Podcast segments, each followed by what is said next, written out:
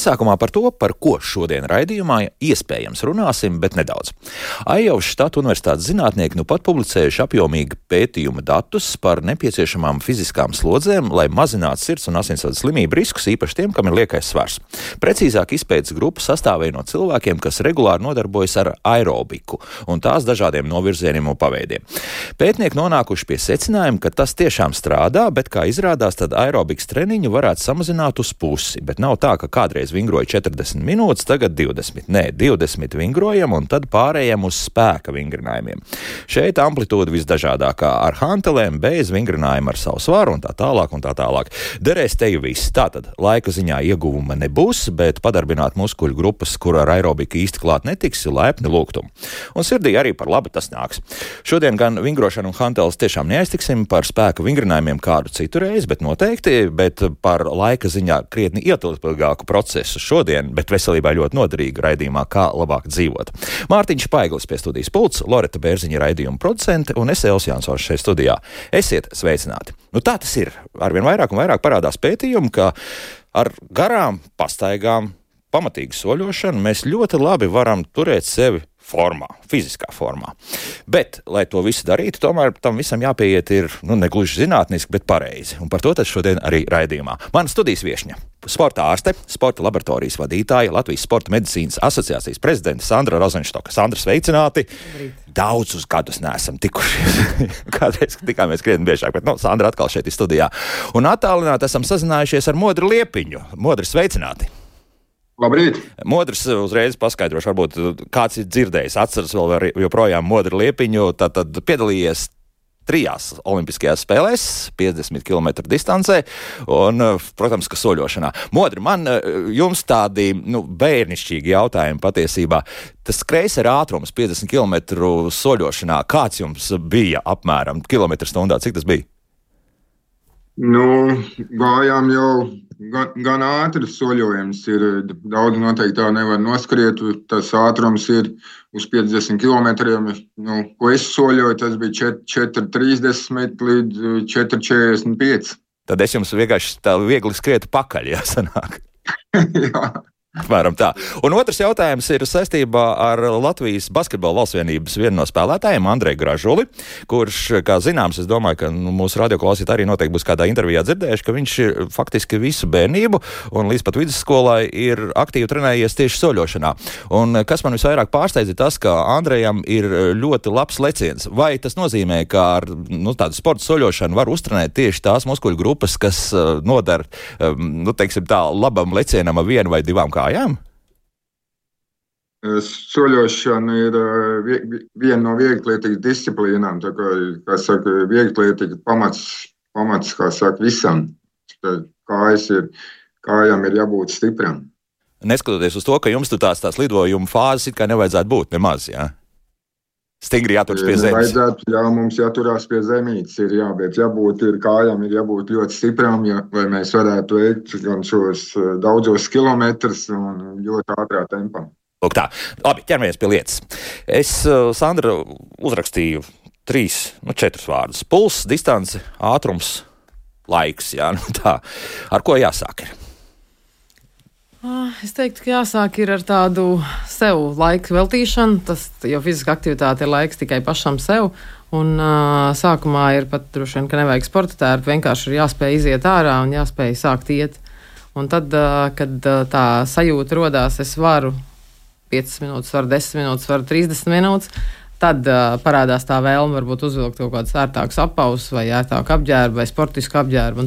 Jo sākumā, ja cilvēks bijis, nu, tā kā mēs runājam, cilvēkiem, kas vispār ir pasīvi bijuši, kad uh, viņiem kaut vai 2000 soļi jau šie pierādījumi, ka viņi ir daudz, daudz labāki uh, nekā nedarīt neko. Jā, un īpaši par sirds asinsvadu veselību, jo uh, cilvēka ķermenis jau tieši tāpatām kā mūsu prātā domāšanā, ja mēs gribam atpūsties, tad mēs atpūšamies, jā, bet arī, ja mēs varam nedarīt, tad mēs varbūt izvēlamies nedarīt. Un tieši tāpat ar sirsniņu un elpošanas sistēmu. Ja mēs šīs sistēmas nenoslogojam, tad viņas neuztur augstu funkcionalitāti. Un, uh, tagad tā kā tā. Uh, dzīves ilgums cilvēkiem vidēji palielinās, un arī dzīves kvalitāte ir jāsaglabā ilgtermiņā. Līdz ar to tas ir ļoti svarīgi uzturēt šo sirds veselību vai izveidot to bāzi nu, tādā apzinātajā, pieaugušo vecumā, Ja viņi veidojās īstenībā pusauģu vecumā, kad bērns aug, tad ļoti svarīgi, lai bērns sportotu. Un, un, nu, piemēram, nu, sākot no līdz 12 gadiem, divreiz nedēļā, pēc tam trīs reizes nedēļā. Viņš veido šo bāzi, šo pamatu arī kaulu skeleta sistēmas izturību un, un kaulu stingrību un tā tālāk. Bet pēc tam jau šis ilgais periods ir uzturēt. Jā, jau uzskata, ka pieņemsim skeleta sistēmu apmēram septiņos gados nu, kā, nomainās. Jā, līdz ar to, kāda tā slodze ir, nevis tā, ka es aizgāju tur divreiz nezinu, mēnesī kaut ko padarīju, bet ilgtermiņā ja, tas ieguldījumam jābūt savā veselībā vismaz seši mēneši, lai viņš būtu tāds noturīgāks uz nu, nākamajiem diviem gadiem. Nu, tagad mums jau veidojas, ja nemaldos, kāda otrā vai trešā paudze, kas ar, teiksim, ar to fiziskām nodarbēm, sevišķi skolas laikā, nu, faktiski tikpat kā nenodarbojas. Nu, tā, mēs zinām to mm, bēdīgo statistiku par daudzajām ārsta zīmēm un tā tālāk. Es pats redzu jauno paudzi, ja, cik negribīgi viņi iet uz šīm uh, sporta stundām. Tas nozīmē, ka tā bāze faktiski netiek ielikta. Ja. Jā, man jāsaka, ka uh, es varbūt vēl lielāku atkāpi. Man uh, tagad jaunākā meita ir um, trīsgadniece un uh, bija bērndārs pasākums jubilejas, kur man tā kā lūdzu tādu no vecākiem uh, pateikt Lekcija, runu. Jā. jā, jā. Un tur uzstājās visas grupiņas, nāca uzstājās ar vienu priekšnesumu. Tā kā man lieliem bērniem ir 11 un 13, tad tieši tas pats bērndārs, tieši līdzīgi tās pašas audzinātājas, bet vienkārši man liekas, ka tāds pāruns par uh, fiziskās aktivitātes vai programmu, kas notiek jau bērndārzā, bērniem mācot kustības, veiklību, uh, kā veikt, uh, kaut vai, es nezinu, apgriezties ap sevi, pietupties un tā. Un es redzēju izteiktu atšķirību šajos desmit gados, kad man dēls gāja trīs gadu vecumā, un arī tagad meita. Uh, izteikti atšķirības tieši kustību veiklībā, varēšanā, koordinācijā. Uh, Ja, tas nozīmē, ka uh, tie bērni jau izaugs lieli. Nu, es par saviem bērniem neuztraucos. Man bērns sporto un dejo, un viņi to visu apgūs ārpus bērndārs. Bet liela daļa bērnu jau ir nu, bērndārzā, un viņi pēc tam aiziet skolā, viņi turpina būt tikpat neveikli. Un tāpēc man liekas, tas bērndārs vecums kaut kā es tā redzēju, ka laikam tur vajag to pienesumu, nu, tādā ritmā izjūtā. No jā, tātad, bet nu, šo to jau esam salaiduši grīstē, nu, varētu teikt, sabiedrību mm. kopumā, un no tā tomēr var pēc tam izķeproties ārā, nu, teiksim, tomēr apzinoties pēc 18 un drusku vairāk gadiem, saprotot, mm -hmm. un ka citādi dzīvot nevar, nu, tad mēs varam. Un, un nu, nebūs tā, ka kauli tik trausli, ka neko nevar. Ja? Nē, nē, tā nav. Vienkārši tas, ka pieaugušo vecumā tas prasīs lielāku pacietību, bet var, jo ir daudz cilvēku, kas, kuriem varbūt tāda negatīva pieredze bijusi bērnībā ar fiziskām aktivitātēm, tad viņi izvēlās pieaugušo vecumā saprot, ka stress vai ikdiena tik aizņemta un prāts tik noslogots, ka gribas atslogoties, un tad viņi sāk fizisku aktivitāti. Un tad īstenībā tā staigāšana ir ļoti, ļoti labs veids, ar ko sākt. Jo sevi iepazīt, sevi saprast, kāds ir mans temps, ko es varu pašlaik dotajā brīdī, un varbūt vienlaicīgi arī izvērtēt, vai nav kaut kādas sūdzības rodas jau staigājot. Jā, varbūt kaut kādas pavadošas slimības, kādam varbūt kāda kroniska slimība.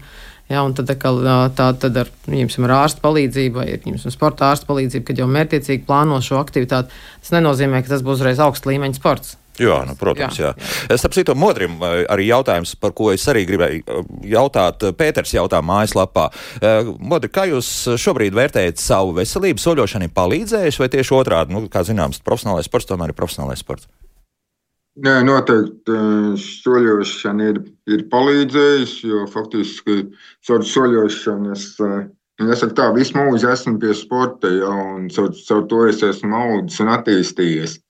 Ja es pat atceros, teiksim, iesākot skolas gaitas, varbūt nemaz nebija tik stiprs, nu, teiksim, fiziski attīstīts, jā, bet caur to soļošanu pilnveidojos un varēju gan labi paskriet un, un tā tālāk. Jā. Tas, tas man ir tikai palīdzējis. Šobrīd kādas sportiskās aktivitātes?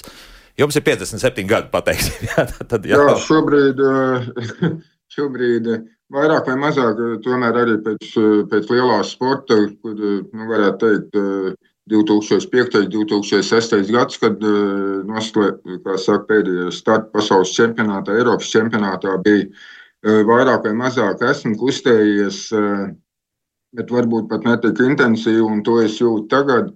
Tagad pēdējo gadu laikā kā, kā vairāk esmu atgriezies pie savu, savu sporta veidu soļošanas un uh, jūtu, ka prātu liekas, ka esmu ļoti stiprs, bet uh, tikt, uh, tikt tajā vilcienā gribās jau tikt tajā vilcienā atpakaļ, kur bija kādreiz, bet nu, tas nav, nav tik viegli. Un, un, un tas ir, tas ir Nu, jā, tāds regulārs darbs, un šobrīd es, šobrīd es trenējos eh, katru dienu. Lūk, tā. Un cik tad jūs noiet, ja nav noslēpums? Nu, šo, šo, šobrīd es esmu ticis, teiksim, vēl pagājušo gadu mēnesi, ne mēnesī, nedēļā uz 50 km. Tur ir gan dažādi. Ir, ir gan nojošana, ir iešana, skriešana, soļošana. Jā. Šo, šobrīd jau es nedēļā eju uz kopā, kopējā kilometrāža 100 km. Oh, oh, oh, lūk, lūk, ko tas nozīmē. Bet Tad nesabiedēsim uzreiz radioklausītājus. Nē, 100 km tas ir, tas ir modra faktiski distance. Jā. Nu, mēs sākam tiešām runāt par 200, atvainojos, 2000 soļiem. Nu, tas ir cik apmēram pusotrs kilometrs jā, varētu būt. Jā. Varētu būt jā. Ar to varētu sākumā. Ar to varētu sākt, jā. jā. Tad ko? Vietpulkstenis Nu, jā, nu, es nesaku, ka, kad, uz, jā, jā, jā, es domāju, ka, ja sākumā cilvēks vienkārši sāk kustību, tad uh, tas vieplūkstens ir vai nav, tas īstenībā ne, jo viņš jau sākumā iet pastaigu solī. Mm -hmm. nu, mhm. tādā pat. Uh, pat neforsēt neko. Jā, neforsēt, jā. Un tad, kad uh, sajūtu to, to, kad es gribu vairāk vai es gribu zināt, cik es noeju, tad parādās vietplūkstens, kurā tad redzam šo skaitli. Un arī tas uh, palielinājums, uh, nu, tādā, ja es paņemu tādu zinātnisko sporta medicīnas literatūru, ja, tad tas uh, palielinājums ieteicamies atkarībā no cilvēka bāzes, ko viņš darīs iepriekš. Ja viņš ir bijis pasīvāks, tad ir 250 soļi nāk klāt nedēļā. Mm -hmm. Bet, ja viņš ir bijis fiziski aktīvs, tad tas var būt līdz 500 soļiem nedēļā. Nu, tas palielinājums pakāpeniski ļauj ķermenim adaptēties. Un līdz kurai teiksim, robežai mums ir jāaiziet tādā gadījumā, jo visu laiku tiešām liekam klāt, un beigās aiziesim līdz tiem 100 km. Jā, nu, jā ir tādi uh, ir tie pētījumi, kur, kur ir tas apaļais 10 tūkstoši, bet nu, bija viens, viena tāda saruna par šiem 10 tūkstošiem. Tas īstenībā ir vienkārši skaists. Jā, tas pieņemts Japāņu vienkārši izdomājumu. Pieņemts skaits, jā, bet tā, tas, kas ir tāds pierādīts, kur tāds jau ļoti, ļoti labs efekts uz cilvēku organismu ir 7, 7,5 tūkstoši. Jā, tas ir parādījies jau vairāk. Mm. Austrālieši no sākuma runāja par 3 km, tad tagad ir 7 tūkstošiem. Tie pēdējie mm -hmm. pētījumi parādījušies. Mm -hmm. Nav daudz patiesībā. Jā, nav daudz. Nav daudz. Jo īstenībā cilvēks, skatoties arī, man jau gribētos, lai tādā ikdienas, arī savā biroja darbā, vai kur cilvēks arī tur celtos kājās un aiziet, nevis uzzvanīt uz blakus kabinetu. Nu, tā ka tie soļi jau lasās arī ikdienas aktivitātē. Ja, un tad beigās kaut vai no tādā biroja nu, dienā, ja viņi tur 2-3 tūkstoši jau noiet, tad tas jau, jau ir labi ķermenim jebkurš solis. Tad, tāpēc tas pulkstenis labi nodara, ka tu jā. jau apmēram jau saproti, cik tas, cik tas ir. Tad, jā, no darba uz mājām, kājām gandrīz ideāls variants. Tad nozīmē, ka nemaz nevajag tev speciāli sporta tērpu pirkt un vēl daudz citas lietas, vai, vai tomēr arī nu, vajadzētu atvēlēt, nu, ka tagad mums ir speciāli šī pastaiga. Nu, es teiktu, sā, sākotnēji droši vien, kad nē, vienkārši tā kā sākt iet, varbūt padomāt, lai apau būtu piemēroti kāda ir āla, pa kurien jāiet, bet, bet ar laiku jau, jā, tad jau gribās kaut kā vairāk, varbūt arī varbūt tempu pamainīt, var paiet pastaigu solī, var pātrināties. Piemēram, ja ārā ir, nu, piemēram, tā ir pilsēta un tur ir kaut kādas lampas, ja, tad viena posma noiet lēnāk, viena noiet mazliet ātrāk, kas jau organismam liek adaptēties, liek tā kā trenēties. Jā, rodas šis pieprasījums. Jo darot visu laiku līdzīgi un vienādi, sanāk, ka cilvēks adaptējās tikai nu, tai, tai, tai slodzē, kurā viņš ir intensitātē. Un, un tad uh, tas prasa atkal tādu mazliet pienesumu, mazliet likt vairāk klāt, vai arī kombinēt kā jau jā, sākumā pieteikumā bija, nu, piemēram, kādreiz var uzlikt smagumu aprocis uz rokām. Citreiz var uzlikt tās pašas, kaut vai puskilogramu, to pašas kājām. Jā, nu tā, kad uh, veikt to pašu, bet ar mazliet ar tādu mazu spēku elementu. Nu, mazās hantelītes rokā arī, starp citu. Var nest rokās arī, jā. Mums kādreiz dulli darījām, skrējām ar, ar 5 kg hantelēm. Ah, ir tāda laika, nu, un tā, kad jā, tev ir 20 jā. drusku pāri, tad, tad to vēl jā. var atļauties. Jā, bet ne tā. Modri, kā jūs uh, distanci izvēlaties? Jo tomēr nu, 100 km tas ir varan garš pasākums. Jā, un, un, un, jo šobrīd arī nu, tie laika apstākļi ir kādi ir Rīgā. Ne tas sniegs, ne tā lietas, viss apledojas, un līdz ar to ir, nu, arī tos pašus 5-6 km jau noiet būs sarežģīti. Nu, jā, teiksim, mūsu laika apstākļi nav, nav tie labākie saulīti, mums nav aiz loga. Bet, ja ir tas mērķis un ir vēlēšanās, tad vienmēr var atrast vietu, kur to treniņu veikt. Teiksim, ja vienkārši pastaigāt, tad jau var arī saka, izmantot trotuārus un staigāt pa trotuāriem un arī skriet. Teiksim, man, man bija tā problēma, teiksim, kā soļošanā man ir jābūt un, teiksim, nu, nedēļas slidens ceļš, jo tāpēc varbūt es bieži vien kaitinu autovadītājs, es soļoju par, par šosejām, pa ielām, tur, kur brauc mašīnas. Ja, un, un, un, jā, jā šoferīši ir dusmīgi, bet nu, man ir galvā savs mērķis, un es, jā, es eju pa to ceļu. Cik jums tie apavilgi tur tādā gadījumā? Jo tur skaidrs ir ne tikai vienkārši distants garums, jau pats par sevi deldē apavs, plus vēl tam visam sāls un, un reaģēt. Nu, apavi dilst, apavi dilst uh, gan ātri, ja, jo tagad, teiksim, jaunie apavi ir uh, arī tāpat kā jaunās mašīnas, viņas uh, nav domātas ilgai lietošanai, ja, jo Tas, tas ir viens liels bizness arī, ja viņi ir tiešām ļoti ērti un, eh, kā saka, un, un, un, un, un ērti un moderni, un lai varētu sasniegt labākus rezultātus, ja, bet nu, divas tās zolītes ļoti ātri, ļoti ātri. Ja. Tā, tā kā jāmaina gana bieži, jā. Vai tas kaut kādā veidā varētu atturēt kādu, nu, ka tomēr, nu, te ir jāieguldās, tomēr būs, jā, un, un ja mēs tā sākam tā nopietnāk jau iet, un, un tikai par tiem 7000 soļiem mēs runājam. Nu, kā ja cilvēkam ir uh, sporta apavija, uh, nu, kas ir parasti jau tas sporta apavos, to, ko sauc labi, tad tur tie gaisa spilveni, kas palīdz amortizēt un tā. Uh, Nu, zin, kā, ja tā ir tā kā sporta apavs, kā, kā botu, jau ja bota ar tādu gludu zoli, viņi patiešām slīdēs ārā. Jā, tad jau tur vajag piemērots ar tādām lielākām rievām, nu, kas dotiem laika apstākļiem. Bet man liekas, ka tā maršruta izvēle ir. Es zinu, ka ir cilvēki, kuri izvēlas, pieņemsim, viņiem tāpat iešana, bet viņi citreiz izvēlās ziemas periodā vai nu distanču slēpes paņemt, ja tāda ir iespēja, vai arī, piemēram, atkal kādās iekštelpās tur to mēnesi, divus pasportot, tā ka tas nav iespējams. Bet viņi vairāk turās pie tās ārā aktivitātes, bet kaut kādu alternatīvu. Ir, kas atkal mājās pavingro pa to laiku, kad nevar vienkārši neradot sev tādus izteiktus riskus. Jā, bet, Tieši riskus runājot, nevis diskomfortu, nu, kad jā, jā, nē, risku, ārā. Jā. risku, jā, jā, risku. Jo tie, kas sporto jau no vasaras, rudens un tā cauri sezonai, viņi jau ir adaptēti un pierod. Un, un skatījos, bija arī mīnus, cik bija 20 vai 15, cik grādi bija tāpatām. Skatījos, skrējējis viens, kas skrien, viņš tā arī skrien. Ja? -huh. nu, jā, tā kā tie, kas ir adaptēti, tie dara. Bet uh, kopumā jau, zin kā tās sporta apavi, ja arī nav tik cik modrs, cik daudz iet, un tā tie viņi jau kalpos. Vismaz vienu sezonu, vienu gadu viņi noteikti kalpos, varbūt no, nu jā, jā. pat divus vai trīs gadus kalpos. Ja? Tā kā tas ieguldījums ir viens, un tad, un tad vienkārši ir tālāk viņu lietot un, un veltīt sev jā, to aktīvu to laiku. Bet, eh, starp citu, jā, nu, ja mēs runājam par tādām iekštelpām, nu, ir skaidrs, ka ir fitnesa klubi, kur mm. ir arī priekšsoļošanas domāti celiņi, priekšskriešanas. Man tie vienmēr raisa tādu vieglu, nu, negluži nepatika, bet tādu pārsteigumu tas, ka tas ļoti viegli darās. Tu uzkāp uz šiem eh, faktiski trenižieriem, un tas, mm -hmm. tas viss ir krietni citādāk nekā tas ir dzīvē. Ja? Nu, vieglāk it kā. Uh, nu, tāpēc, nu, tas skrejceļš sanāk, ka cilvēks ķermeni tur vertikālāk. Ja mēs pa ielu ejam vairāk uz priekšu, bet uh, uz vertikālāk, un, uh, un sanāk, kad ir jāliek skrejceļam viens grāds, uh, tas slīpums, pavisam neliels, lai būtu, līdzā, lai būtu līdzvērtīgi iet pa ielu. Bet skrejceļam atkal ir citreiz cilvēks, ir paiet kalnā, viņš pakaļ uzliek slīpumu. Tā, nu, tā, tās iespējas ir. Bet tas, protams, prasa ne visi var tā monotoni skatoties pa logu kaut ko darīt. Jā, tas, tas ir pavisam citādāk, jo Jā. soļošanā un, un kopumā pastaigās ir tas skaistais, ka tu tomēr arī gūsti tādu estetisku baudījumu ļoti bieži. Jā, jā. Jā. Nu, īstenībā līdz tai, tādai filozofijai ir tā jānonāk. Man pašai arī es agrāk domāju, ka visu laiku vajag baigt skriet, baigt sportot tā daudz, daudz.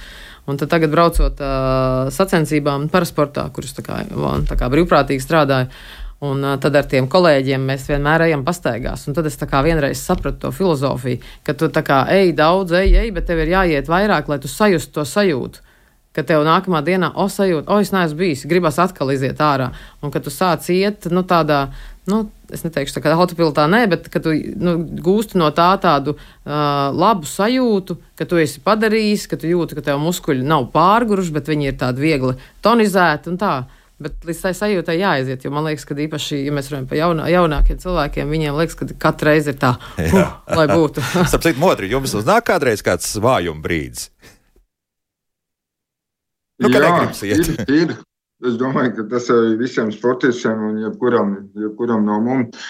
Bet uh, tiešām tā ir citreiz, varbūt vakaros, vai kā liekas, nu, tāds nogurums pēc visu dienu nostrādāt, un varbūt stresaini bijusi, varbūt atpūtīšos, neņēmis. Bet, kad tu aizēji to treniņu, tu, tu esi atkal no jauna piedzimis un atkal esi gatavs darboties. Un, un sports, man liekas, vispār ir tāda, tāda laba lieta Bieži vien mēs, es jau nevaru, man nav laika, bet tas sports mūs savā veidā sakārto, un mēs sportojot, mēs varam izdarīt daudz vairāk. Mm. Inta gan modri jums pārmet, ka nevajadzētu reklamēt soļošanu pa ielas braucamo daļu. Var bēdīgi beigties. Nu, zinot, kas uz mūsu ceļiem notiek, nu, jums noteikti arī pa brīdim kaut kādi ekscesi ir bijuši. Kā jūs izvairāties no tā?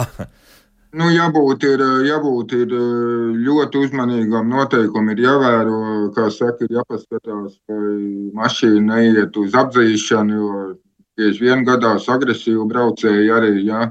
Bet, paldies Dievam, gan laikā, kad bija lielajā sportā, gan tagad, kā, kā, kā tautas sportā, ja tā varētu teikt. Ja? uz ceļiem nav, nav bijis man problēmas, un neviens nav, nav braucis virsū.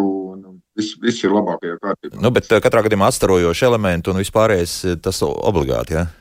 Nu, tas ir obligāti, jā, ja ir tumšais laiks, tad ir, kā saka, tagad ir ļoti labi saucamie lukturīši, jā, kas ir, ir viegli netraucē ne, ne treniņu procesam, un es esmu ļoti labi pamanāms. Jā. Un drēbes arī šobrīd jau ir eh, ļoti kvalitatīvs drēbes, kur jau ir iestrādāti iekšā atstarojošo elementu. Un tad uh, skaidrs, ka tumšajā laikā labi var redzēt. Uh, jā, jā, mazliet papildināšu, jā. ko Modris teica par to dienas pēc dienas darbu, ka gribās tā kā nu, atpūsties un tā. Jo tas īstenībā ļauj cilvēkam tā kā atbrīvoties no liekā stresa. Uh, Un otrkārt, arī māca ķermenim, kā regulēt uh, savu darbību stresa situācijā. Jo fiziskā slodze ir stress ķermenim tāpatām, ka, pieņemsim, klāts kliedz uz mums, arī ir stress. Un sirdsdarbība ātrāk, asinsspiediens augstāks. Līdz ar to tad, uh, tā ejot vai soļojot, sanāk, ka tā fiziskā aktivitāte viņa tā kā sākās, bet viņa nav pārmērīgi intensīva. Līdz ar to tas ļauj arī, nu, neļauj pārmērīgas reakcijas, tā kā bremzē. Līdz ar to, tā, kad cilvēks patiešām nonāk stresa situācijā, arī tad viņa ķermenis ir pieredzināts nere, nereaģēt tik strauji.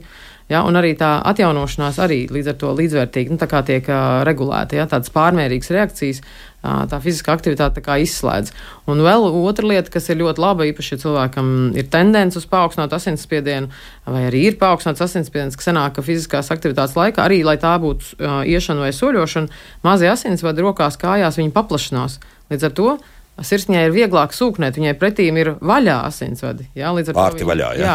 Un tāpēc tas, ko cilvēki ļoti bieži atzīmē, ka viņiem pēc šādas fiziskās aktivitātes, iešanas, soļošanas, riteņbraukšanas, pat mierīgā tempā, viņiem ir zemāks asinsspiediens nekā bija pirms tam. Mm -hmm. Jā, tas ir tāds pozitīvs efekts. Tas nozīmē, ka rīta treniņi joprojām ir aktuāli. Rīta treniņā, vai, nu, es teiktu, darbā justos komfortabli. Jā, nu, īstenībā tas arī aktivizē visu vielmaiņu no rīta visai dienai, īpaši, ja jāregulē svars un arī ļauj cilvēkam pamosties, bet tā reakcija nav pārmērīga. Tas, ko no rīta es neieteiktu, nu, svars celt, sprints skriet, nu, tādas ļoti izteikts intensīvas slodzes, ja, bet tas nav, nav mūsu šodienas tēma. Nu, man patīk, pirms nu, es, es eju jā. uz darbu kājām, nu, pa, pa, pievilkties nu, labi, no septiņas reizes. Tas, jā, jā, bet tā, tā, tā, tā jau ir pierasta aktivitāte. Jā, tas, jā, jā, ir, jā, jā, tas ir tas, kam cilvēks ir adaptēts, vai ko viņš darīs ilgstoši, vai treniņu procesā iegūs. Tas cilvēku ķermenim tādu stresu nerada. Tas viņu drīzāk pamodina. Kā, bet, ja mēs tā kā pēkšņi kaut, kaut ko izdomājam. Jā, jā tādēļ. Nu, tagad es tad no rīta. Jā, tagad pēkšņi es skriešu. Nē, nē, viss darām prātīgi. Nu, jautā vēl arī nu, šeit par Ilzi par tiem septiņiem kilometriem, bet par to tempu tomēr. Tad uh, es domāju, pulsa zona. Nu, pulsa net, zona. Jā. Jā, nu, pulsu zona ir ļoti individuāla. Tas ir atkarīgs no tā, cik cilvēks ir bijis agrāk aktīvs un cik viņš ir bērnībā bijis aktīvs. Jo tas ir atkarīgs no sirds izmēriem vai sirds sistoles tilpuma, jā, cik daudz sirsniņa sūknē. Jo sākot fizisko slodzi, sirsniņai jāsūknē vairāk, un tad ir ļoti labi, ja sirds spēja palielināt tilpumu. Lai viņi sūknēs lielāku tilpumu, bet retāk. Līdz ar to tas nozīmē, ka sirds ir trenēta. Bet, ja tā vidēji es teiktu, nu, tad nu, man liekas, ka sākumā ejot būtu jāiekļaujas līdz pulsam 130 kas ir tāda ļoti, ļoti droša zona. Uh, dažādiem vecumiem, ja mēs runājam. Bet, uh, ja jo cilvēks ir trenētāks, jo viņš, pieņemsim, tādu nemaz ejot, nevar sasniegt. Jā. Es domāju, gan jā, jā, tas jā, būtu modrim jautāt. pajautāt. Modrim, cik jums, ja nav noslēpums, maksimālais puls ir šos pašus 100 km veicot? Nu, savā, savā laikā, kad jā, aktīvai, nu, aktīvi sportoja, jā, tad jau bija līdz 200 un reizēm pat nedaudz vairāk. Šo, šo, šobrīd līdz 185 ir maksimālais pulss. Tomēr jūs tiekat, jā, tik augstu, jā? Nu, tiek, tiek, jā, 180 līdz 190, tā, tā ir. Bet uh, par to iešanu, man liekas, jā, tā iešana ir, uh, nu, teiksim, ir labi. Nu, tāds sākums, ja, kuri domā sportot. Jo man liekas, ejot, mēs, man tā liekas, ka mēs nevaram pāršaut strīpai pāri. Ja? Nu, mēs, es, mēs ejam, uz ko mēs šobrīd esam gatavi, cik ātri mēs varam paiet. Man liekas, ka tas pūls tad arī tā arī kāds 130 līdz 140, nu, diez vai kāds, teiksim, ātrāk paies. Jā. Tā iešana, ta, tas ir tas labais, kad nu, mēs, mēs ejam tik ātri, uz ko mēs šobrīd esam gatavi. Jā, jā. Tur, tas ir veids, kur nevar un tas nozīmē, ka 180 tas ir kaut kur jau skriešana faktiski. Jā, tad būs. Jā. Nē, nē, nē, tas ir arī soļojot, soļojot, kad iet mazos, teiksim, mazos ātrumiņus, vai tas ir pa 200 metriem, vai tas ir pa 400 metriem. Jā, Pātrinājam, jā, tā. jā, tā garajā gabalā jau tā, tā, tādu pulsu. Mm -hmm. Sandra druskuņi uzmanīgi palika pa tiem 180. nu, nē, nē, zin kā, tas nozīmē, ka tā ir ritīgi sportiska soļošana. Jā, jā, tur ir jā, nu, ritīgs, jo nozīmē, ka, lai veiktu šādā nu, ātrumā, kā Modris minēja, 4,30 uh, distanci, tas nozīmē, kad ir ļoti liels soļa garums, katra soļa, nu, tāds nosacīts, ja, un līdz ar to ir ļoti spēcīga pēda, ļoti spēcīgs apakšstilbs, augšstilbs ar labu kustību amplitūdu gan pēdā, gan, gan gūžas locītavā.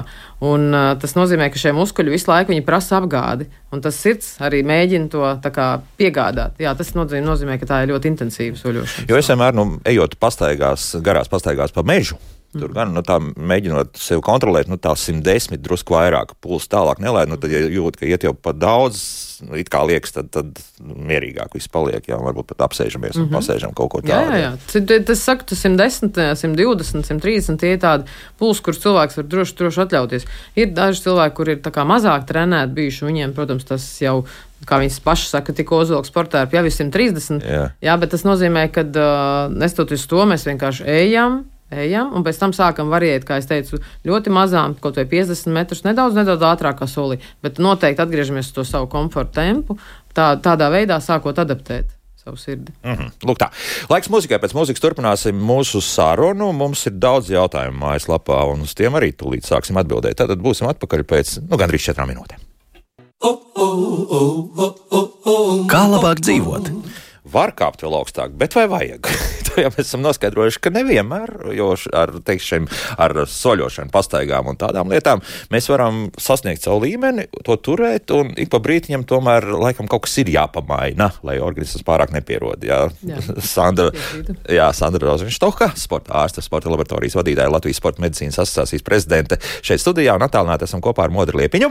Nu, lūk, un laikam jāsāk tomēr atbildēt uz klausītāju jautājumiem, kas mājaslapā ir sabiruši ļoti daudz un visdažādākie. Nu, un viens no klasiskajiem jautājumiem, kas tiek uzdots gandrīz visos raidījumos, kad mēs runājam par sportiskām aktivitātēm, ir lūk šāds Vivita raksta. Nu, kā lai saņemas, kad tu atnāc mājās no darba pārguris, uztais vakariņas, paēdi, sakārto visu un ir jau ir deviņi vakarā. Iziet pasportot, kad jau jāiet gulēt. Mm -hmm. Mm -hmm. Jā, nu es teiktu tā, ka uh, jāpadomā mazliet arī iepriekš. Plānojam mēs nākamo nedēļu, un tad mēs tajā savā grafikā ieliekam iekšā, padomājam, vai mēs atnākot mājā tūlīt iziesim pastaigāt kaut vai 20, 30 minūtes, vai arī uh, pēc tam, kad, uh, kad esam uztaisījušies, tad mēs iziesim pastaigā. Bet sākumā tas ir jāliek savā grafikā, un pie tā ir jāturās pat negribu vilkt sportēt, nevelku izēju tāpat. Nu, tā īstenībā tas sākumā ir sevi regulēt. Jāpiespiež, savu, jā, jāpiespiež. un savu aktivitāti sev likt savā grafikā, tāpat kā pārējās lietas, ko mēs dzīvē darām. Es teiktu tā. Bodri, kā izbrīvēt to laiku? Sevišķi tiešām tām garajām distancēm. Tas nozīmē, ka nu, visas savas trīs, četras un pat vairāk stundu sanāks jā, katru dienu. Nu, Pirmais jau jābūt tam mērķītim, ko, ko es gribu sasniegt. Un tad jau ir daudz, daudz vieglāk. Tad mēs arī atrodam laiku, vai mēs atrodam no rīta agrāk pieceļamies, mēs iesākam dienu ar vingrošanu, kā saka, iztaipamies, sagatavojam sevi dienai. Varbūt mēs kā, kā katram saka, ir tas darba režīms, varbūt mēs varam izbrīvot laiku arī pusdienas laikā, ja mēs aizējām pas, pastaigāt vai paskriet. Ja, Un tad ir, protams, arī vakaru laiks, ja, vai nu, mēs varam atļauties to laiku. Bet var atļauties. Bet tas ir jā, bet pirmais jābūt mērķim, kāpēc mēs to darām, ko mēs gribam Ar to sasniegt. Ar to sasniegt. Tad mērķis ir jāuzstāda. Ja? Jā, man liekas, es tagad tikko atcerējos, kad Modrs minēja par to mērķi. Man aizvakardien bija um, Mišels no Šveices uz pārbaudu, uz kardiopulmonālo slodzes testu. Uh, un es parasti konsultācijas sākumā jautāju, nu, ko, ko jūs vēlaties, nu, kāds ir tas mērķis, kāpēc šeit vai nu gatavojās, nezinu, augstkalnē vai gatavojas kādam čempionātam, maratona pusi, nu, vienalga, kāds mērķis bija. Un viņa atbild bija tāda, ka uh, viņa ar sievu, viņiem ir grāmata, uh, kā, lab, kā, kā jādzīvo, kādai dzīves kvalitātei jābūt 90 gadu vecumā. Un tajā grāmatā ir rakstīts, kas jādara tagad, viņam tagad ir 45 gadi, kas viņam jādara tagad, lai viņš līdz 90 gadiem dzīvotu labi. Un tāpēc viņš ir atnācis uz pārbaudi, lai saplānotu savu aktivitāti.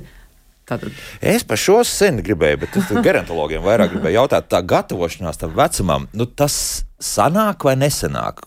Tam Mišelam būs taisnība beigās. Nu, skaidrs, ka vēl kaut kāda grāmata sarakstīta. Nu, iespējams, ka tur jau kaut kāda arī uz zinātniskiem pamatiem viss jau ir bāzēts. Jā, nu redz, šeit jau ir tā, tā filozofija, tas pieejams. Un īstenībā arvien vairāk un vairāk cilvēki nāk, ka viņi grib dzīvot kvalitatīvi, ka viņi grib dzīvot ilgi un kvalitatīvi.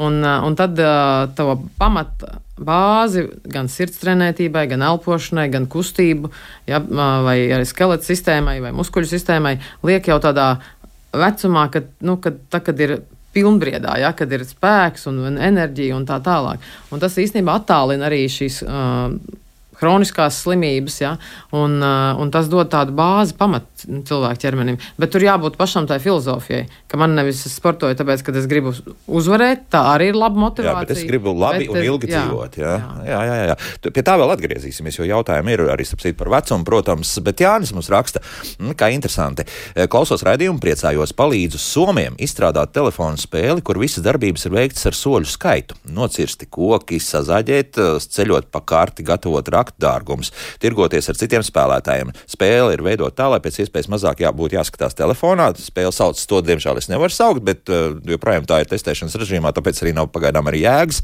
Un nedēļā starp 600 testētājiem sastaigājām 10 miljonu soļu. Spēle laiku būs arī latviski. Nu, varbūt arī tā. Jā, labi, jā, ja kādam tas veicina un motivē iet. Tāpat ir taču dažādas ir tās meklēšanas spēles, kur ar cilvēku dodas ja pa citām valstīm, jā. jā, jā, vai arī Latvijā iet un staigā, vai arī interešu grupas atrod. Jā, ir cits, kas var viens, kas sakārto domas, kamēr iet un tā, bet ir kuram vajag to kompāniju. Jā, ir kas dara draugu pulkā, ir kas dara interešu grupā. Kā, mm -hmm. Labi, sākam atbildēt arī uz citiem klausītāju jautājumiem, kas iesūtīti ar ko šķirs parasti staigāšana no nojošanas. Nu, skaidrs, ka nojošanu mēs arī ļoti atbalstām, vienmēr esam atbalstījuši. Un, mm -hmm. un ja nemaldos, Modris arī teica, ka ar nojošanu nodarbojas. Jā, Modri, jā, arī ar nojām? Jā, jā, ar nojošanu būtiski pagājušo gadu vairāk pievēršos un arī šogad turpinu. Es uzskatu, ka nojošana ir ļoti, ļoti labs veids, lai mēs eh, saka, izkustētos, lai mēs sev sakārtotu. Jā, tas ir teiksim, viens ir iešana, tālāk ir nojošana, un tad jau mēs varam arī sākt skriet. Tā. Jā. Ah, jā, šādi varētu būt. Nu, jā, tā jā. nojošana ir iesaista arī roku muskuļus aktīvi, un līdz ar to arī tas solis senāk, varbūt tas slodzes sadalās starp kājām un rokām, bet arī tas rada lielāku pieprasījumu sirds darbam. Jā, līdz ar to tā sirds trenētība. Un arī ir pētījumi, kas tādā sporta kardioloģijā ir pierādījuši, ka noslogojot roku muskuļus, ir nozīmīgs uh, efekts uz sirds veselību. Tāpēc kā kājām mēs staigājam jau ikdienā, bet papildus dodot slodzi rokai, rokām, jo rokas mēs noslogojam salīdzinoši daudz mazāk. Uh mhm. -huh. Es vienmēr formulēju nojošanu kā tādu ar lidojumu fāzi, eišana, lidojuma fāzi, nu, tu, tu jūties tā kā tev kaut kas burtiski stumtu no muguras. Jā, jā bet jā. Tur, tur mazliet arī tā kā, ja, ja cilvēks to nav darījis, vēlams saprast to tehniku. Protams. Nenest rokas, nenest nūjas, jo viņas jau pašas labi turās pie pleciem, jā, neraut augšā plecus, lai nav pēc tam atkal kādas sūdzības, bet jā, tāds aiziet uz tādu grupu, kur, kur kāds treneris vai kurš uh, māk parādīt, kā tas jādara. Kādā līnijā pareizi viss jāliek mm -hmm. un vispār, jo jā, nu, tā, kā, tā, tā ir viena no staigāšanas jā. Jā, paveidiem, jā, un, nu, lūk, mm, par minimālo jānostaigā, it kā jau mēs teicām, nu, tur, tur Nu, tad, tad min, pats minimums jā. ir 2000, bet nu, vēlams jau tomēr tiekties uz tiem 7000. Soļu. Soļu, jā. Jā, jā, jā. Mm -hmm. nu, tas, tas, tas nav gluži 7 km, kā varbūt mm -hmm. domā, tas ir mazāk, bet nu, tad skatieties. Nu, īstenībā, ja cilvēks, piemēram, ja tā, tā ļoti skatās, piemēram, viņš pa dienu tur darbībās savās ikdienas nostaigā 3000, nu tad tālāk tie 4000 paliek. Ko tad pa māju soļosim? Var jau soļot ar uz vietas. Var soļot arī, nezinu, pa istabu uz riņķi. Visādi, ne? kāpēc ne? Ja negribas ārā aiziet. Jā, jā, jā. jā.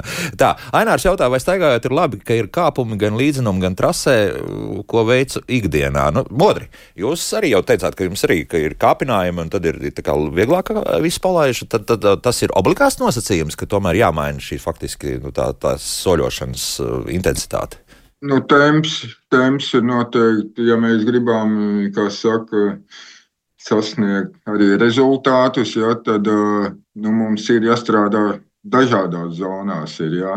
Kā saka, ir jābūt tam pamatiņam, tad ir tā saucamā viduszona, un tad ir, kā saka, tiem augst, augstajiem plauktiem arī, kā saka, lai, lai tās sirds, sirsniņi mums attīstītos. Ja? Tāpēc arī, saka, tren, treniņi ir, tā, ir sakārtot, ja?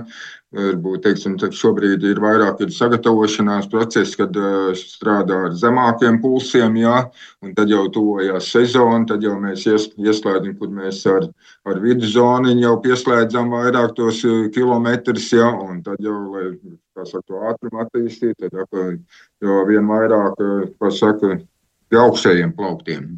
Mhm. Bet tas ir gatavoties jau tā tādām sacensībām, jā, pēc būtības. Bet, nu, jā, bet arī jebkurā gadījumā es saku, kā, kā, jau, kā jau minēju, ja mēs visu laiku tikai vienā režīmā, nu, tā, tā attīstības sirds, sirdsniņai, tā, nu, saka, neattīstīsies tā, tā kā vajadzētu. Tās slodzītas vajadzētu pamainīt. Mm -hmm, jā, jā ir tāda nu, šaura tā adaptācija. Jā, var redzēt, to es arī redzu pārbaudēs, ka cilvēks pārbauda. Senāk tā, ka viņi ir adaptēti tādai zonai, un tikko viņi iziet ārā no tās savas komforta zonas, tā uzreiz ir stresa reakcija. Gan spiediens aiziet, pulss aiziet. Tā. Pēc kā, jā, Tāpēc jā, jā. tādas uh, variācijas pa laikam būtu būt ļoti labas. Jā. Šeit kaut kādas komandas sporta spēles nevarētu palīdzēt. Tas pats basketbols, nezinu, arī to pašu valodu. Jā, jā, amatieru sportā atvēl laiku iesildīties ļaut sirdī paņemt tilpumu, tad būtu labi. Jā, un tad uh, šis arī tika monēts. Silvija raksta, lūk, osteoartrīts, sāp ceļu režim, gūža un ir 70 gadi jau. Sasniegts iepriekš daudz staigāja, bet tagad sāpīgi un ārsts ieteica braukt ar velo. Nu, tagad griežu minu, mini velotrenažieru, sēdot krēslā katru dienu vismaz 2 līdz 3 stundas. Bet rezultātu nekādu nemanu. Bet vai tāds trenižers vispār ir tā vērts? Griežot, tomēr jūt, ka kustas gan ceļš, gan gūžas. Jā, nu šeit sanāk, ka tā slodze ir tik, cik nu, turēt savu kāju svaru. Un, protams, ka es domāju, ka tam trenižerim var droši vien kaut ko regulēt ar slodzi, bet jebkurā gadījumā tas uzlabo um, asinsriti, mikrocirkulāciju šajos audos. Un, un tādējādi uztur to nu, tādu, tādu veselību. Tas nenozīmē, ka tagad gatavojamies kaut kādam, nezinu, sacensībām, jā, nē, jā. bet uh, veselību uzturošu aktivitāti noteikti ir labāk darīt nekā būt pasīvai. Mm -hmm. nu, divas, trīs stundas tas ir ļoti labi. Ļoti apsveicami, jā. jā un es neticu, ka tur nav rezultātu vienalga, pat ja tas būtu pilnīgi tušgaitā, bez kādas pretestības. Jā, jā, jā, jā, protams, protams. Nepārtraukt kustina kājas. Jā, un arī kustība amplitūda tiek saglabāta, jo, lai grieztu riteni, ir jābūt vismaz 90 grādiem locītavā ceļu locītavā, jā, tā kā tas noteikti palīdz. Nemetiet plinti krūmos katrā gadījumā. Ainārs laikam ar smaidu raksta labākā intensīvā pastaiga ir uz veikalu pirms desmitiem vakarā, ja ir aizmirst iziet laikus. nu, jā, vienīgais, ko tur arī mēs beigās nopērkam, šajā veikalā, jā, pēc desmitiem. Tā arī nesaprot, labāk skriet vai iet, skepse jautā. Skriet vai iet, nu jā, šeit ir atkarīgs no tā, kā cilvēks pats jūtas, kāda viņam ir tā doma. Jo, ja, ja cilvēks jūt, ka viņš var skriet, tad viņš kaut vai sāk ar lēnu tempu, bet viņš skrien. Jo tā ir atšķirība, kad ejot, mums kāja visu laiku, jau modrs tur varēs precīzāk izstāstīt, kāja visu laiku ir saistīta ar zemi, mēs visu laiku esam kontaktā. Savukārt skrējiens solis, ja viņš ir lēns, mums visu laiku ir leciens no vienas kājas uz otru. Fāze, jā. jā, ir lidojuma fāze, un līdz ar to šeit uzreiz ieslēdzās ir jābūt vēlams pareizākai tehnikai. Droši vien sākumā jāsāk ar pārvēlienu, tāpat tā kā ejot var ar pārvēlienu. Ķermenis jātur tā kā, lai būtu uz kājas, ja, un tad ir kas skrien kājām pa priekšu ķermeņa, tā kā pa priekšu, un ir kas krīt uz priekšu, kājas ir aizmugurē. Nu, ļoti dažādas tādas tehnikas. Ir kas asimetriski, ir kas rokas kustina asimetriski. Skriešanai uzreiz ir tādas prasības lielākas, lai, lai neradītu šīs nu, pārslodzes traumas, ja īpaši tehnika ir nepareiza. Nu, Savukārt, ejot, nu, Ejot, jā, Ejam jā tāpēc, tāpēc iesākumam es teiktu, var uh, droši izvēlēties atkarībā no savas trenētības. Jā, Vodri, kāpēc jūs skrienat? Kāpēc es skrienu? Ja man patīk arī skriet. Pag- Pagājušajā sezonā arī Stirnbukās piedalījos visus, visus posmus. Kaut gan, kaut gan dzīvē neesmu sevišķi daudz skrējis un sacensībās piedalījies, bet vienreiz pat beidzot jau aktīvo gaitu soļošanā izdevās pat uzvarēt Latvijas čempionātu maratonu skrie- skriešanā. Jā. Bet skriešana ir eh, ļoti labs veids, arī tāpat kā iešana. Jā, es saku, abi divi ir, eh, abi divi ir ļoti labi. Kā saka, veidi, lai mēs kustētos, gan iešana, gan skriešana. Jā, jo te atkal ir šādā veidā mēs arī pamainām teiksim, to sirsniņu darbību. Jā, kā saka, un Vienmēr tas sakot, tikai nāk par labu. nāk par labu. Eju krīt pa velceliņu, zolītūde babīte, apaļus 10 tūkstošu soļus. Kā mēs noskaidrojam, tie 10 tūkstoši, tas ir tāds pieņemts konstanti, pietiks ar 7 tūkstoši. Bet, nu labi, lai, lai, lai pat tā būtu. Ikdienas sastop 5 cilvēks, kas to dara neatkarīgi, līst vai ārā 5, mīnus 15, mīnus 20, pat ikdienas apģērbā, bet labā tempā. Diemžēl tie visi cilvēki gados, jaunie tikai skrien. Nu, varbūt, ka Nu, jā, jā, tas nozīmē, skriet. tad jau katreiz var sasveicināties, un tas Jā, iešana kļūst jau par tādu.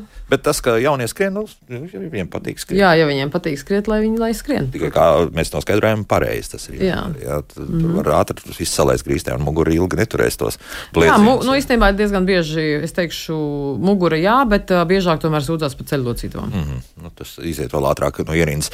Klausos jūs un sāk domāt, ka man arī jāsāk staigāt. Nē, esmu vairs jaunietis, 72, baigi sportisks neesmu bijis, bišķīt veideriņš uzēsts, ar ko man sākt. Nu, vai svarīgi ir, ka katru dienu staigā? Jā.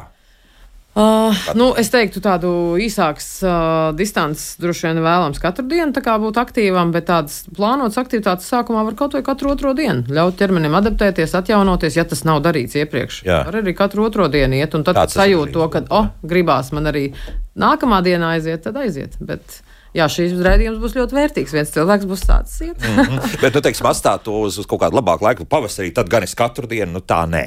Jā, jā nē, nē, nē. nē, nē. Jāatrod ir šeit. Jo tādas uh, pārcenšanās un tādas, uh, tā kā, tādas akcijas priekš sevis, nu, tagad tāpat kā tādas izteiktas diētas, līdzīgi tā ir aktivitāte, viņas dod īslaicīgu rezultātu, jo cilvēks nogurst no tā, tāpēc, jo viņš tā saudzīgāk vai mierīgāk sāk, jo tas, mēs ceram, ka tas būs ilgtermiņā. Mm. Kas Annijai nav pareizi? Lasu viņas uh, jautājumu. Lūdzu, pastāstiet, kā gūt baudu, lapatiku no sporta. Nekad pat pēc mazākām, lielākām slodzēm nejūtu prieku, tikai nogurumu un sliktu noskaņojumu. Uztver to tikai kā nepieciešamu pienākumu un viss. Jā. Šeit visticamāk ir uh, vielmaiņas uh, lietas, jo ne visiem cilvēkiem vielmaiņa strādā tik efektīvi, tik intensīvi, cik vajadzētu. Es nedomāju svara ziņā, bet es domāju slodzes radītā vielmaiņa, kas, uh, kas nozīmē pienskābe kā vielmaiņas gala produkts. Uh, viņa rada organismā skābu vidi. Un, uh, mums tas vidas neutralitāte, jeb tas tā homeostāze ir ļoti, ļoti šaura tā robeža. Līdz ar to uh, šeit noteikti būtu jāsāk, ka mēs saprotam, visu, ka jāsāk ar iesildīšanos, tad šajā gadījumā būtu jā, beigās jādara atcildīšanās, lai šo pienskābu no muskuļiem izskalotu ārā, jo pienskābe pēc slodzes tiek sadalīta aknās, nevis muskuļos. Un tā ir tāda bieža kļūda, ko cilvēki domā, es tagad pasportoju sprints līdz vārtiņiem Aha. un viss un dīvānā sēž. Bet senāk, ka ķermenī paliek šī skābā vide un viņi rada muskuļu nogurumu, un, uh, un citreiz cilvēks to nejūt kā muskuļu nogurumu, bet jūt kā sliktu garstāvokli, kā tādu no rīta mostās jau nogurs un tā tālāk. Tas nozīmē, ka treniņa beigas, jeb aktivitātes beigas bijušas nepareizas. Jā. Tad, tad lēna, lēna nu, tāds gājiens, kā ir šūpošana, roku apļošana un tāds. Šāds, jā. Modrī, varbūt jums ir kāda laba recepte atcildīšanai? Ne. Labi, recepte pavingrot. Jo vienmēr cenšos jā, nu, treniņu procesā sākumā iesildīties, bet pēc, pēc tādas pastāvīgas vai, vai nojošanas, vienalga, jā, vai skriešanas, jā, kad treniņu parasti noslēdz jā, tādu vingrošanu, iztaipīšanos, jā, kā saka. Varam Jā, tas vienkārši dod, dod citu, un, citu un garāk, pagarina muskuļu saīsina, dod lielāku amplitūdu. Mm. Inta savukārt sūdz par to, kā rīkoties, ja pēc intensīvas soļošanas vienmēr vairākas dienas sāp ceļi. Tā ceļa. Tas, tas ir līdzīgi, ko mēs tikko jau runājām, tikai tas stāsts ir par augšstilbiem. Jo visi augšstilbu muskuļi stiprinās zem ceļa locītavas. Un ļoti bieži problēma nav pašā ceļa locītavā, meniskiem saitēm tā tālāk, bet ir problēma ar šo muskuļu, augšstilbu muskuļu stiprināšanās vietām. Līdz ar to es ieteiktu padomāt tieši to, ko mēs runājam par treniņu beigām, un uh, izstiept visas četras augšstilba muskuļu grupas. Mm -hmm. Priekšēji un tā. Jā. Um... Nu, Latvijas radio viens klausītājs tomēr vēlas uzzināt, vai kaut ko sliktu var nodarīt tāda regulāra ilgstoša staigāšana. Nu, kaut kādas locītavas mums dilst jā, no, no Ah, sliktu.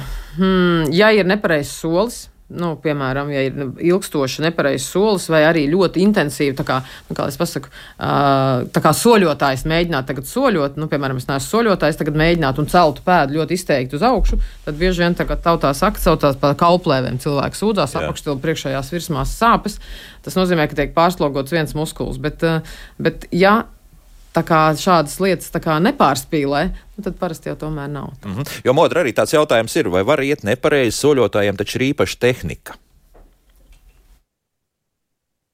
Nu, katrs jau mēs, teiksim, ja soļotājs ejam savādāk, jā, bet uh, iet nepareizi. Mēs, nu, iet jau mēs arī, mēs ejam katrs savā, savā, nu, solī, savā solī, kāds mums ir dots. Ja? Bet, eh, nu, teiksim, tiešām soļotāji šī īpašā tehnika, kā mēs to redzam parasti, un, un, un kā to nu, jā, nu, teiksim, ja, ja par soļošanu konkrēti, jā, nu, mums ir uh, divi galvenie likumi. Mums ir, kā saka, jādomā, lai jāiet ir tā, lai tiesnesis ar aci neredz, ka mums ir abas kājas atrodas no zemes. Un otrs, ka mums ir jāiztaisno, nevaram iet ar līkām kājām, kad ir celīti, kā saka, jābūt taisnībai jānofiksē. Tāpēc ir jā. šāda tehnika faktiski, jā, nevis kaut kāda cita. Tās ir, div, tās ir divas dažādas eh, lietas. Jā. Nu, ne divas dažādas, tās ir divi galvenie noteikumi. Jā, jā. Nu, mums ir palikušas pēdējās sekundes, un izvēlēšos vēl kādu. Nu, Prasa bērns piespiest būt fiziski aktīviem. Tas ir cits jautājums. Nu, radīt interesi. Vajag radīt interesi to, kas bērnam patīk un motivēt. Ne, nepatīk tas, piedāvājam nākamo. Vecāku uzdevums ir piedāvāt. Spēle varbūt arī vēl palīdzētu. Mm -hmm. Jā. Nu, un, uh, tomēr rīts vai vakars? Tas ir atkarīgs no cilvēka bioloģiskā pulksteņa. Ir citiem, kam no rīta forši visu dienu pamostās, ir citi tādi, ka Dievs man tagad jāiet. Es jā. labāk pēcpusdienā vakarā, tad, kad jūtos smoži un tā, jā, tas ir atkarīgs no cilvēka. Lūk tā. Nu, un Andrs mums vēl raksta, vai pietiek ar to, ka nostaigāja darbā, strādāja noliktavā pa dienu, saskrien 7 līdz 10 tūkstoši soļu. Te es ieteiktu izstiepties un uh, padarīt citas lielākas kustības, lielu amplitūdu, lai tie muskuļi spēj atslābināties. Arī jā, tad mm -hmm. vēl kaut ko citu padarīt, jā. Jā, tādu jā. relaksējošu pēc būtības mm -hmm. vairāk. Jā. Es saku paldies šodien sporta ārstei, sporta laboratorijas vadītājai Latvijas Sporta medicīnas asociācijas prezidentei Sandrai Rozenštakai un Modrim Liepiņam par sarunu. Paldies! Modri šodien vēl noteikti daudz kilometru priekšā, ko no, noiet, un lai arī veids arī šajos noietajos kilometros. To pašu novēl arī visiem pārējiem radioklausītājiem. Un uh, rītdien savukārt Kristiāna jau šeit būs studijā un mēģinās atrast sev kādu labu hobiju. Par hobiju atrašanu tad rītraidījumā. Jauku dienu visiem! Tā.